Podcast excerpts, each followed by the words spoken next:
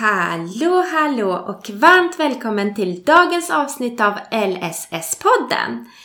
Idag har jag Nafal Naji med mig. Jag träffade Nafal genom LinkedIn och har allt efter det följt honom i hans arbete med att kämpa för rättigheter för barn och vuxna med funktionsnedsättning. Och jag är väldigt, väldigt glad över att Nafal har tackat ja till att medverka i podden. Och jag vill bara berätta syftet med dagens avsnitt. Det är att ge en klarare bild över vad en jurist gör inom LSS-världen. Och det jag vill, det är helt enkelt att ge dig som lyssnar fakta bakom vad och hur en jurist kan hjälpa dig eller någon du känner om du väljer att ta hjälp av en jurist eller en advokat eller ja, så vidare. Och detta vill jag göra på ett enkelt och lättbegripligt sätt. Nu tycker jag att vi tar och kör igång med dagens spännande avsnitt.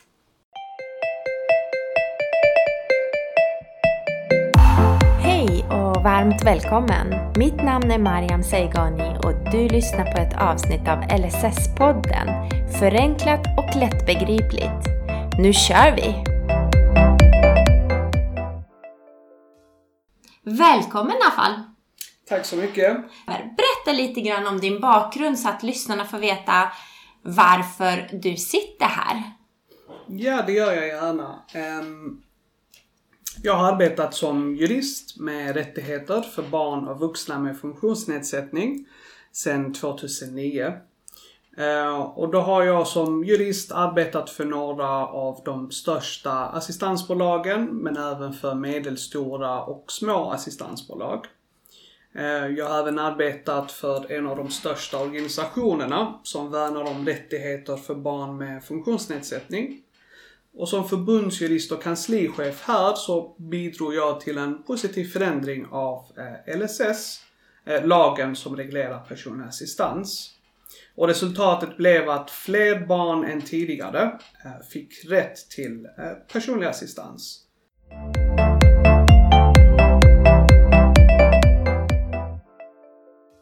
Jag har fått frågor gällande skillnaden mellan advokat och jurist. Det är lite svårt att förstå lite grann vad är, är det någon skillnad ens? Där kan vi börja. Är det någon skillnad mellan en advokat och en jurist?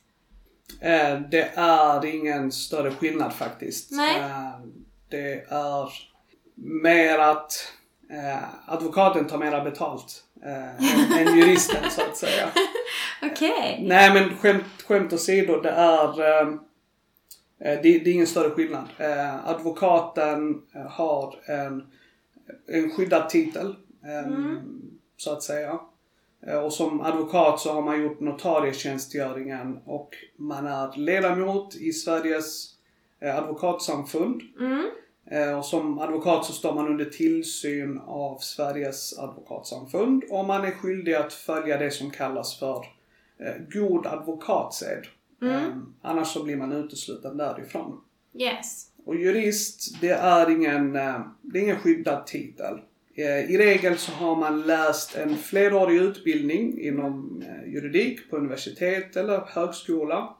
Eh, varefter man då blir jurist. Ehm, men en jurist den kan arbeta på myndighet, organisation, på ett företag ehm, eller en advokat och juristbyrå. Och ehm, varken jurist eller advokat behöver vara mer eller mindre kompetent än, ah. än den andra.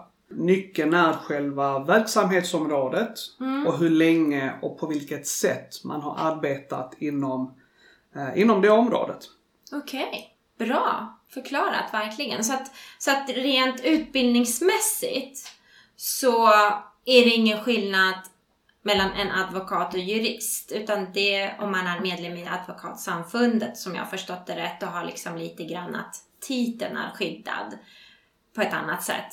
Precis. Ah. Det är inte vem som helst som kan kalla sig för, för advokat Nej. så att säga. Mm. Um, utan man har gått utbildningen och sen så gör man notarietjänstgöring mm. uh, hos förvaltningsdomstol eller uh, tingsrätten så mm. att säga. Um, och därefter så ansöker man för att bli um, ledamot i mm. Sveriges advokatsamfund. Uh, och då ska man ha goda vitsord så att säga. Och så kommer man med där. Och mm. då har man vissa regler man behöver förhålla sig till. Yes. Um, medans, um, ja, juristen har inte det. Nej.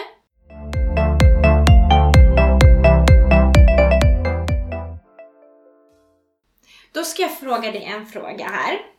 Om du hade en anhörig och du inte var, du inte kunde det här du kunde idag och du behövde ta hjälp av en utomstående för att ansöka om personlig assistans säger vi. Hur hittar du en vad, vad, tänker du på? Vilka kriterier tänker du på om du skulle hitta en advokat eller en jurist? Vad är det du tänker på för att välja den personen? Ehm, jag hade som sagt uh, fokuserat på vad är det uh, jag behöver hjälp med mm. och se till att um, den, den personen jag tar hjälp av mm. uh, har erfarenheten som har lång erfarenhet av, av rättsområdet och som mm. har lång erfarenhet av alla led i processen. Alltså yes. från ansökan till att processa eh, ärendena i, eh, i olika domstolsinstanser. Utöver det så hade jag också eh, pratat med personen i fråga, pratat med juristen eh, för att välja ut någon som eh, jag har förtroende för eh, och som ger en trygghet för om det är då assistans till exempel så är det ju vissa intima saker som man delar mm. med sig av till, till, till juristen. Um, som då tyvärr behöver beskrivas um, i en ansökan mm. uh, om, om assistans då till exempel. Ja. Tack! Superbra!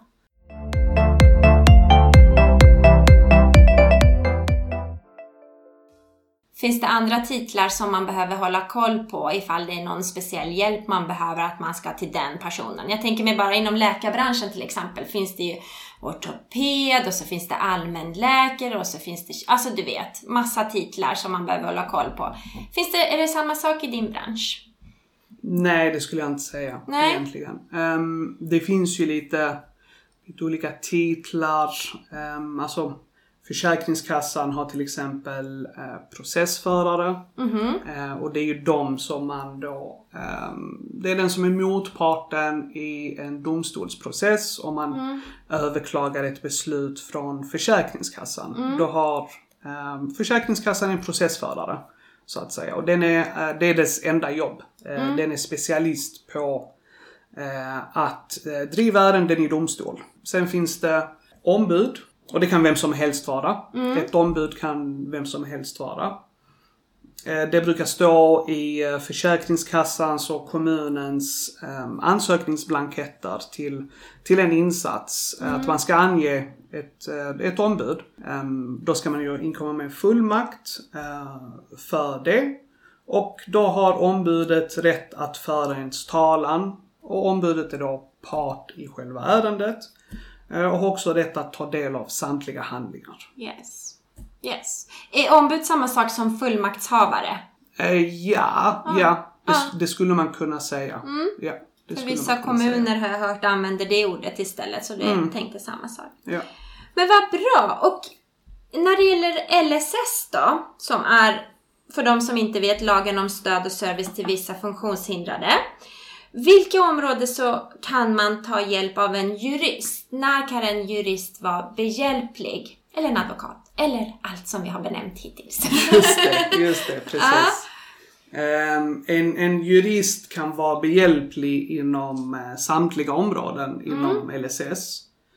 Um, finns det ett myndighetsbeslut med en besvärshänvisning så betyder ju det att det kan överklagas. Uh, och en besvärshänvisning, jag kanske kan förklara det lite snabbt, det är instruktioner för hur man överklagar ett beslut helt enkelt. Mm. Um, så hamnar man i en sån situation så är det bra att ta hjälp av en jurist mm. uh, för att överklaga själva beslutet. Um, handläggare på kommunen och, Försäkringskassan, um, det kan man ju säga egentligen att de, de uppskattar en välskriven och genomarbetad uh, behovsbeskrivning med mm. tydliga medicinska underlag eftersom det underlättar deras arbete. Mm.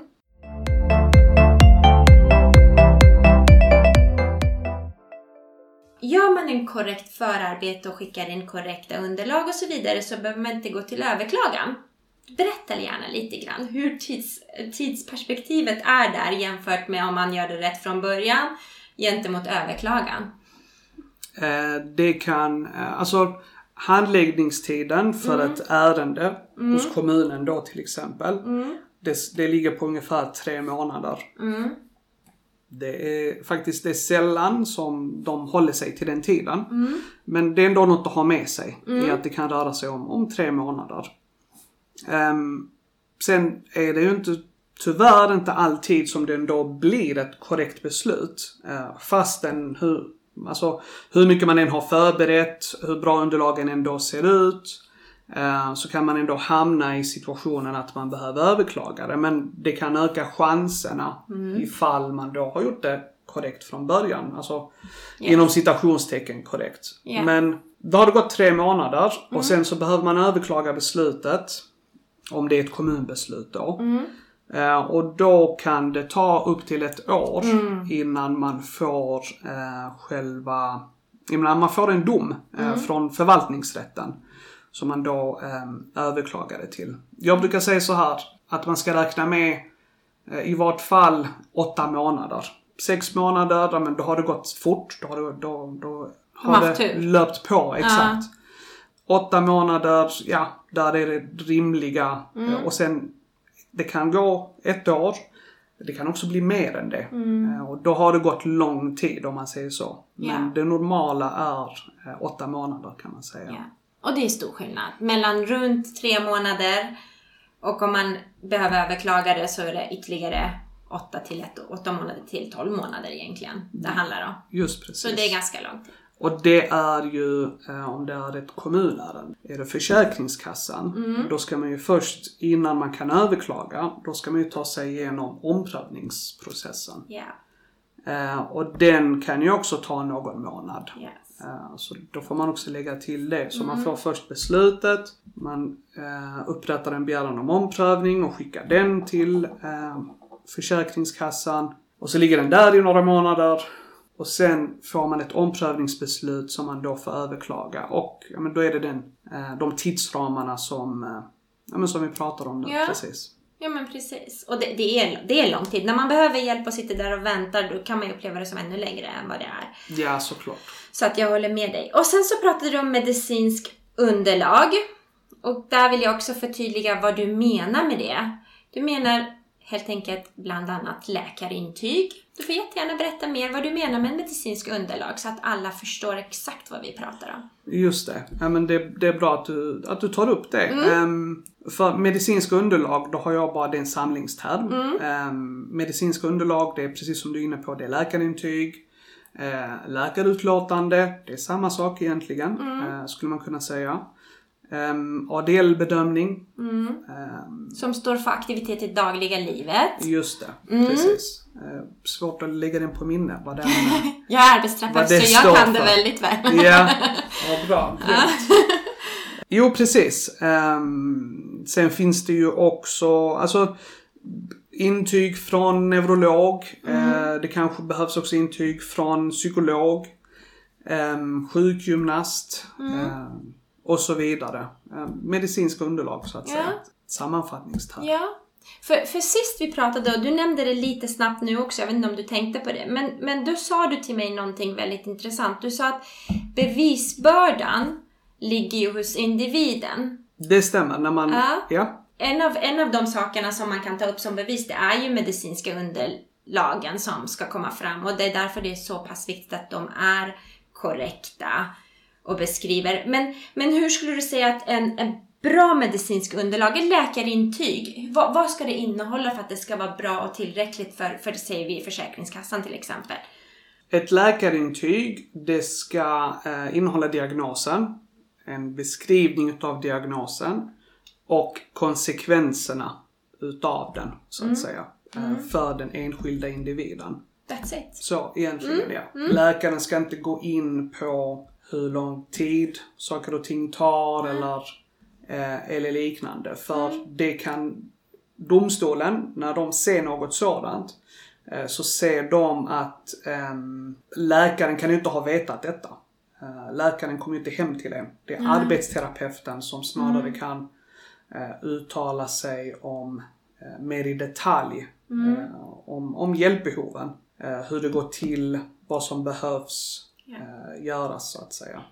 Och, och um, jag tänker mig, ska vi ta det här med eh, hur gamla de här medicinska underlagen får vara också? Kan de vara hur, hur gamla som helst? Kan de vara två år, tre år gamla? Nej, då blir de eh, irrelevanta faktiskt. Rent juridiskt. För det man vill se där, hur är situationen idag? Och egentligen hur är situationen för tidpunkten för ansökan? Så det man säger är att de ska vara max sex månader gamla. Det är ändå tillräckligt nära i tiden för att kunna visa på att eh, det är den här situationen som faktiskt gäller. Och det är det här vi ansöker om. Liksom.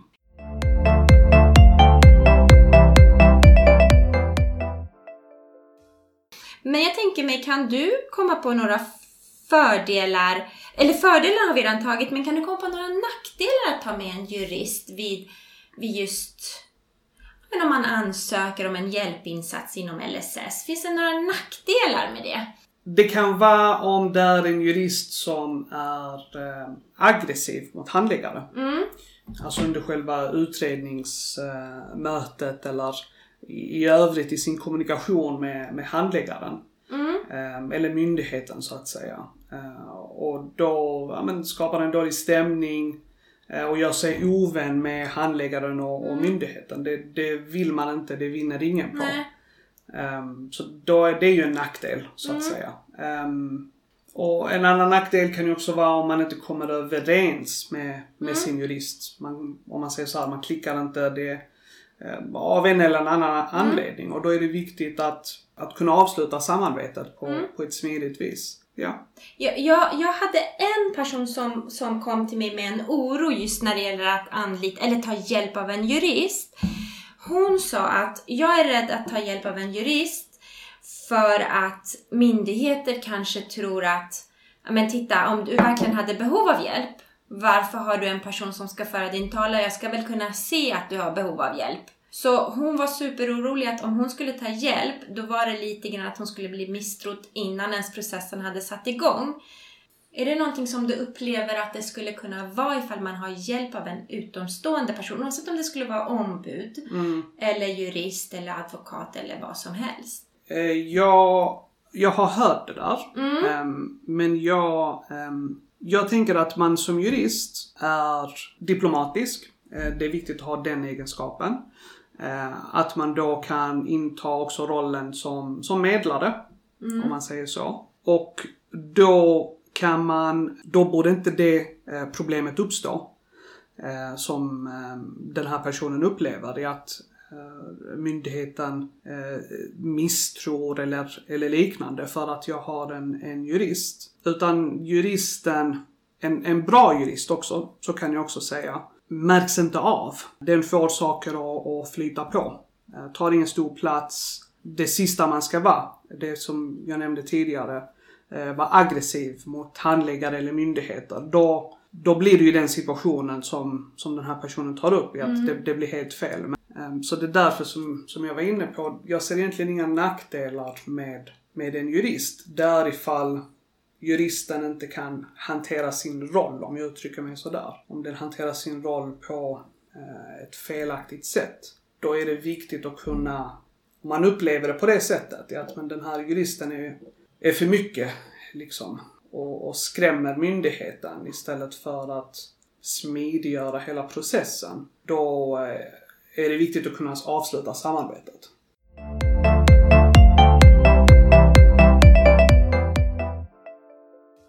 För, för jag vill bara klargöra att dagens avsnitt handlar inte om att vi sitter och förespråkar för att man ska ha en jurist.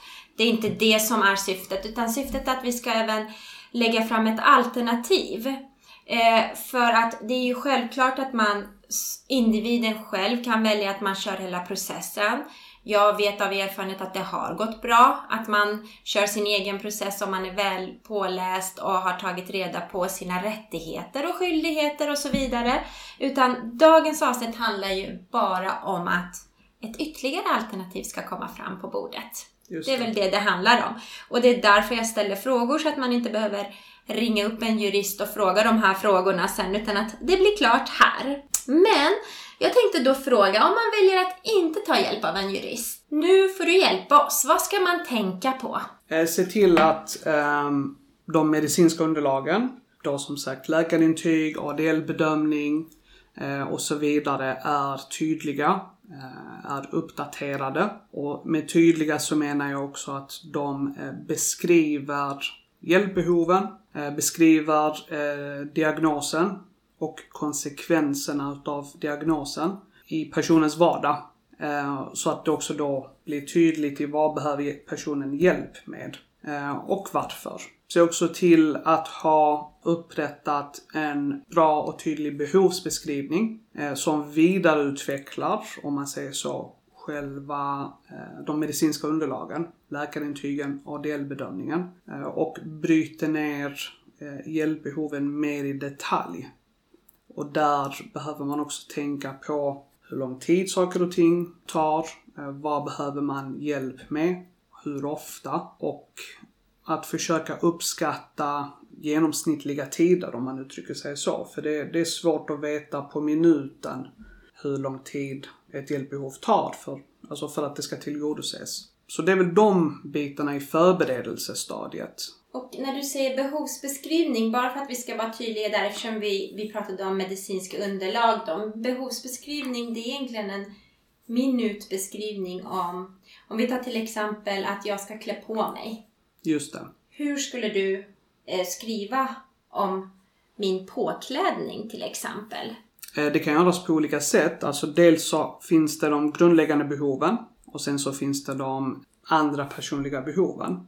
Eh, och då kan man antingen dela upp det sådär. Eh, de grundläggande behoven det är ju hjälp som är eh, integritetsnära och intim, så förenklat uttryck. Underkläder, t-shirt. Då förklara vad behöver personen hjälp med för att kunna få på och få av sig de här klädesplaggen. Hur lång tid tar det ungefär? Mm. Och hur, hur ofta behövs den hjälpen? Um, och sen så kan man gå vidare till andra personliga behov. Eh, som då är exempelvis ytterkläder, det är tröja, skor och så vidare. Och samma sak med de eh, klädesplaggen. Hur ofta behövs det? Hur lång tid tar det? Vad behöver personen hjälp med? Förenklat liksom. Mm. Bra, bra förklarat. Tack så mycket.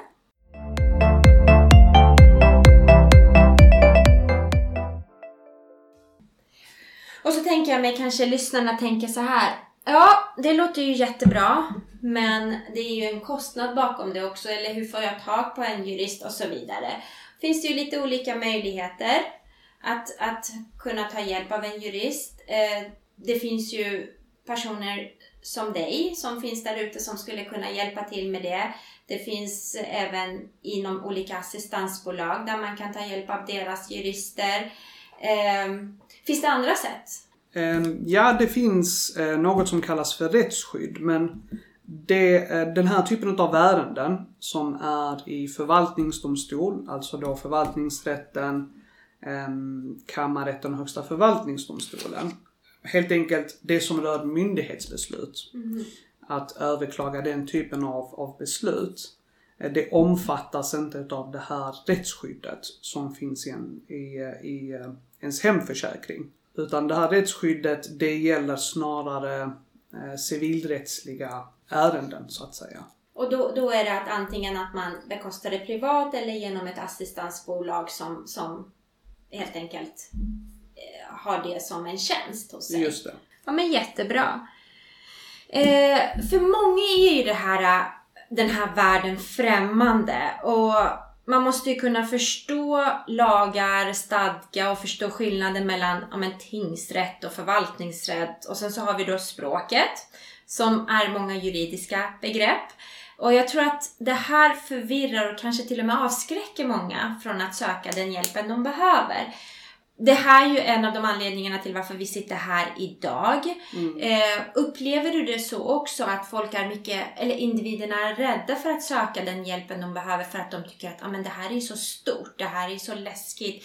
Även det här är så inskränkande i ens privatliv att jag låter bli att söka den hjälpen jag har behov av. Jo, men det, det kan jag känna igen. Alltså att man, man tycker att den är det är för tung process. Det är för, uh, hålla på och vänta på ett år för en dom, uh, hålla på och bråka med, uh, med myndigheter som man uttrycker det som. Och där man känner sig uh, misstrodd. Och också att det är, kan upplevas som integritetskränkande, det är utlämnande att berätta mm. om hjälpbehoven man har och, och så att man, människor kommer hem till en och jag har full förståelse för att man, man känner sådär, att man, man, man tycker det. För det är, eh, det är inte lätt. Det är en del att hålla reda på, mycket att hålla reda på. Eh, och eh, det tar energi. Så jag har full förståelse till de föräldrarna som känner så. Även alltså, de personerna som är i behovet av hjälpen men som då känner att jag vill inte utsätta mig för det där. Det är inte värt det så att säga. Och jag tycker det är jättetråkigt att det är så de, att den känslan finns, alltså att det ska vara på det viset. Mm. Um. För anledningen till att jag tar upp det här egentligen, det är ju för att man ska förstå att man är inte ensam i den känslan man har inför en process, inför att söka hjälp. Att, eh, att även du som, som jobbar med det här och ser det här dagligen förstår den känslan. Att det är inget konstigt att man, man känner att ja, men nu släpper jag in personer som jag inte känner in i mitt liv och så ska jag berätta detaljer om mitt mm. liv för att få, få de hjälpen jag behöver. Mm.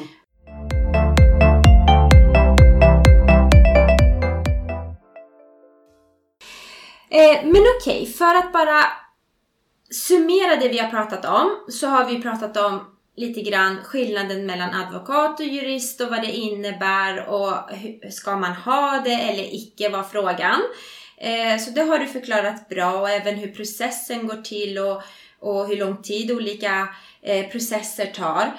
Eh, och eh, jag tycker att det är superviktigt att klargöra sådana saker och försöka förklara det så enkelt som möjligt. Jag såg någonting jätteroligt på, på internet som du kanske har hört säkert, men det är ah, lite skämt som jag tycker det var kul att någon hade skrivit är, twi är twist inte en karamellpåse? Eller kan man ringa ett diarienummer? Eller klia alltid ett utslag. Så att det är liksom lite grann att man behöver klargöra sådana saker på ett väldigt enkelt och lättbegripligt sätt så att alla människor kan ta del av det och att det inte blir bara en viss grupp som förstår och kan hantera det. Just det. Så tack, tack, tack snälla för din äh, medverkan och inverkan. tack snälla för att du var med idag. Ja men tack själv. Det var jättekul att, att få vara med. Ja, och sen så får jag ju frågor från lyssnarna. Är det okej okay att jag kanske frågar dig igen om vi samlar ett par frågor, att du är med kanske någon gång i framtiden? Absolut. Ja, men jätteroligt. Jättekul. Ja, tack snälla och tack till dig som har lyssnat. Ta väl hand om dig och jag hoppas att vi hörs snart igen.